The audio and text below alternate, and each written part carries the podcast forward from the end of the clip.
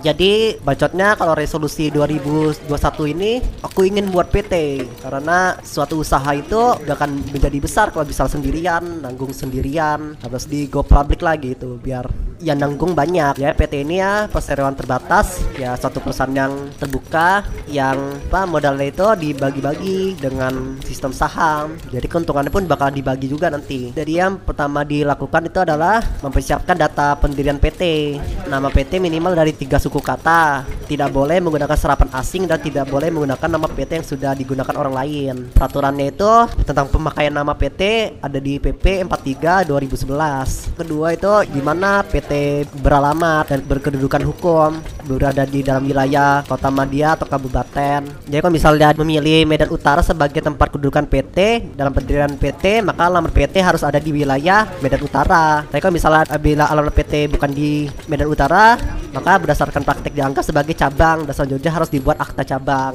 dan diurus perizinannya. Itu juga sesuai aturan dalam pasal 3 akta pendirian PT itu dijabarkan tujuannya, tujuan membuat PT. Bidang usahanya pun juga terserah lah asal kecuali dilarang oleh peraturan dikasih tahu lah bidang usahanya harus tertulis dalam akta pendirian PT dan juga harus memiliki izin usaha. Contoh kalau misalnya usahanya restoran maka harus memiliki izin restoran. Rumah sakit ya harus memiliki izin jasa kesehatan. Itu juga struktur pemodalan PT ini yang penting. Jadi dalam undang-undang nomor 40 tahun 2007 PT ini mensyaratkan modal dasar ada 50 juta. Dan minimal 25% dari modal dasar harus ditempatkan dan di sektor dengan demikian seminim-minimnya syarat pendirian PT adalah modal dasar adalah 50 juta dan modal di sektor ditempatkan adalah 12,5 juta. Sesuai dengan paket kebijakan 12 yang dikeluarkan oleh Presiden Jokowi PP nomor 29 tahun 2016 tentang perubahan modal dasar perseroan terbatas maka ketentuan modal nggak lagi 50 juta. Tergantung kesepakatan sih kesepakatan pendiri PT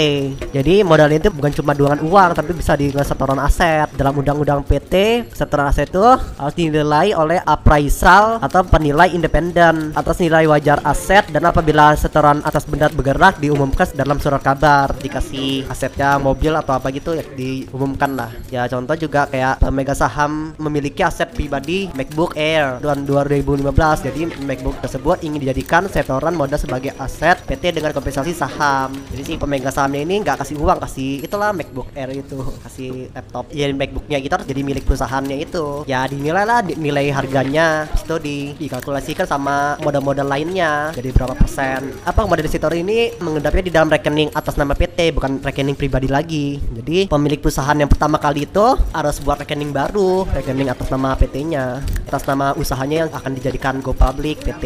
Itu juga PT ini kan harus ada pengurusnya. Jadi pengurus itu terdiri dari unsur direktur dan komisaris. Apabila terdapat lebih dari satu orang direktur maka salah satu diangkat sebagai direktur utama. Terhadap komisaris juga berlaku hal yang sama. Direktur bertugas menjalankan perusahaan sehari-hari sebagai tanda tangan kontrak tanda tangan giro dan cek atas nama perusahaan dan kegiatan lainnya. Komisaris bertugas memberikan aset kepada direktur dan komisaris tidak berhak bertindak atas nama perusahaan. Akibatnya tidak berhak tanda tangan kontrak dan lainnya. Jadi pemegang saham ini ini nggak harus jadi pengurus jadi pemegang saham sama pengurus itu hal yang berbeda. Pemegang saham adalah pemilik PT pengurus adalah yang menjalankan PT tapi sebagai pemegang saham ini bisa ngatur-ngatur siapa pengurusnya sih. Supaya direktur yang jadi di pemimpin tertinggi yang jalankannya. Walaupun mungkin nggak punya saham gitu kan. Si direktur ini kalau misalnya nggak punya saham ya dipekerjakan dan dikasih gaji. Tuh, kalau pemilik saham ya nggak digaji. Cuma dapat dividennya dapat bagi hasilnya. Terus juga kalau PT lokal atau PMDN itu bisa sih diisi oleh orang asing. Tapi hanya diisi paling tinggi itu untuk jabatan direktur aja. Kalau komisaris nggak boleh dijabat oleh orang asing itu sesuai ketentuan Permenaker nomor 35 tahun 2015 tentang tata cara penggunaan tenaga kerja asing TKA di Indonesia. Itulah bukan masalah ras apa apanya tapi masalah status keluarga negaraannya itu juga pasti akta pendirian ini mesti dibuat di notaris. Notaris pun juga bisa dari mana aja. Nggak mesti di tempat lokasinya itu. Asal telah memperoleh SK pengangkatan disumpah dan terdaftar di Kemenkumham. Semua pendiri PT akan tanda tangan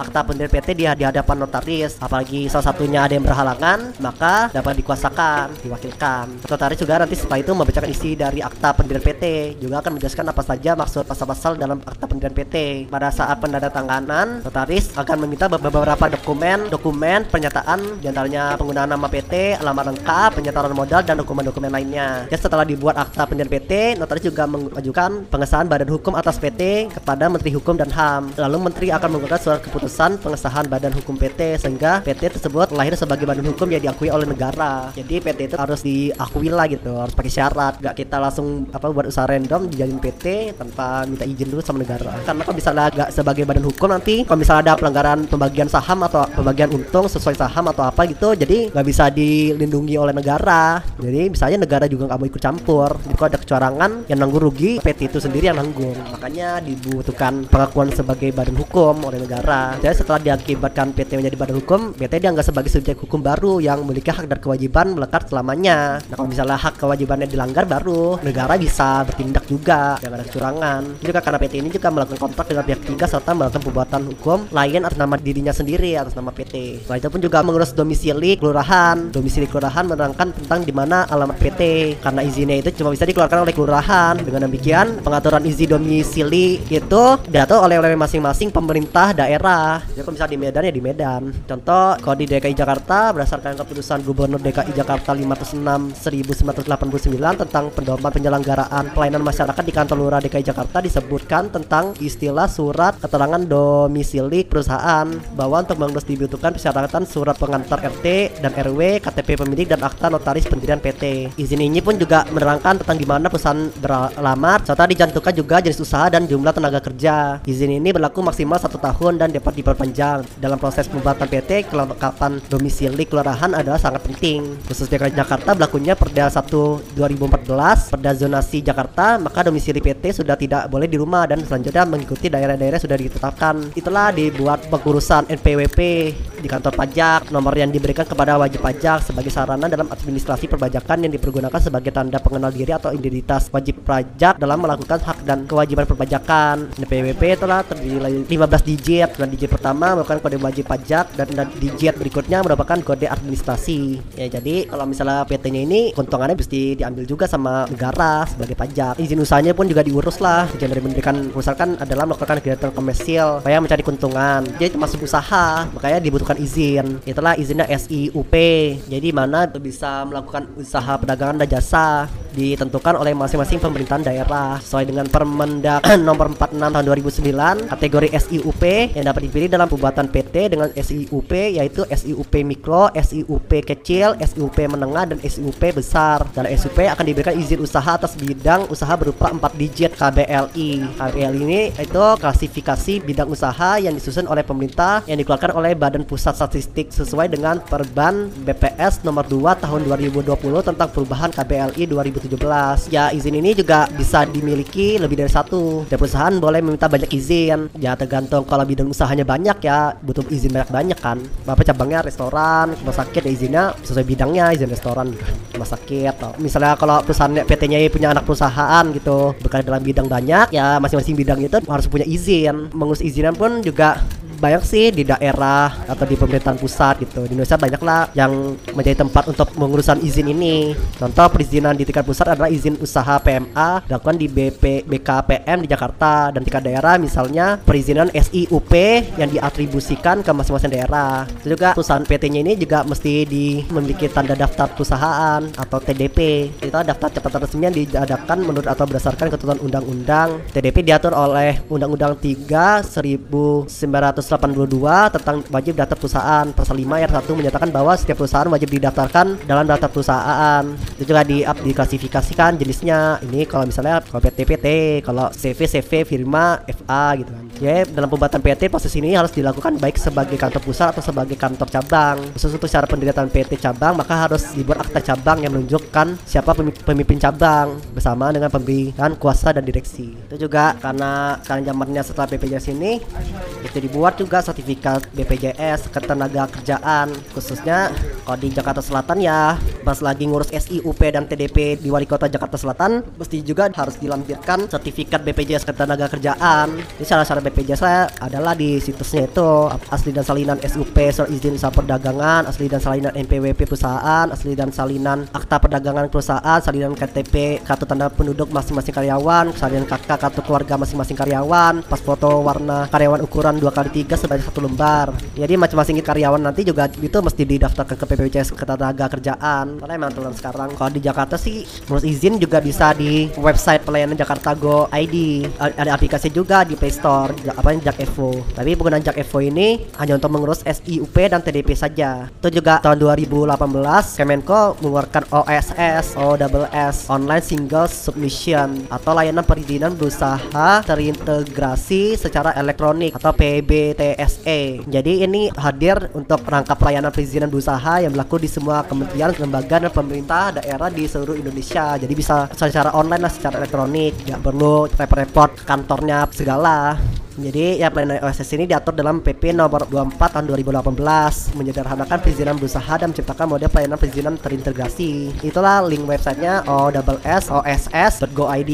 Terus juga pas misalnya di Jakarta mewajibkan badan usaha memiliki NIB. Nah gitulah kalau mau buat PT ya karena walaupun sekarang standar apa nggak ada modal minimumnya lagi. Cuma kalau yang standar itu kan dulu modal minimumnya itu 50 juta ya kalau misalnya kita pingin buat PT terus kita itu nggak ada duit kita cari apa 50 orang masing-masing ngasih satu juta aja.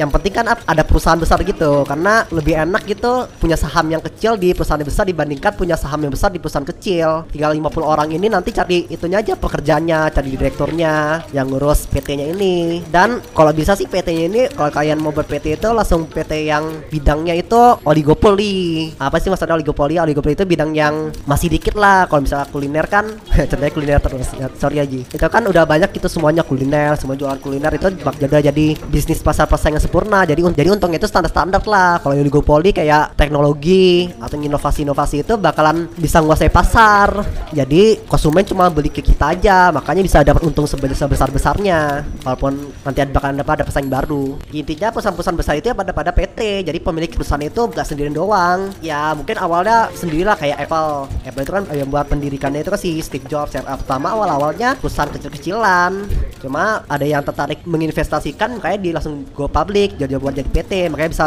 besar kayak gini. Jadi kalau kalian berusaha ya pasti goalnya harus ke buat ke PT nah tinggal sekarang kalau mau buat PT ini ya pasti dibuat proposalnya dulu sih. Kalau misalnya habis itu presentasikan ke orang-orang yang punya duit calon-calon investor. Ya presentasinya benar gitu Nah itulah apa gitu lah yuk. Tahun ini kita buat PT gitu biar gak terjebak rutinitas bekerja sampai dari pagi sampai sore. Hasilnya kan cuma segitu doang kan mending duit kalian yang bekerja gitu.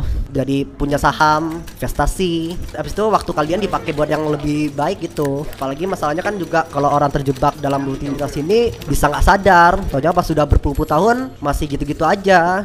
Adalah itu waktu aku facial gitu kan. Proud facialnya apa pokoknya yang yang nge facial itu ada yang 11 tahun kerjanya kayak gitu doang. Harusnya dia itu sih 11 tahun itu bisa buat usaha facial sendiri gitu. Coba kan usaha sendiri juga bakal jadi rutinitas sih. Nantinya bisa ya masuk PT gitu kan. Jangan terjebak mindset umurku masih segini. Apa sih PT nanti aja pas sudah tua. Kalau bisa sekarang ya sekarang aja kan. Ya adalah itu kita buat tahun ini jadi tahun di mana puncak titik kita menjadi sukses. Salam pembisnis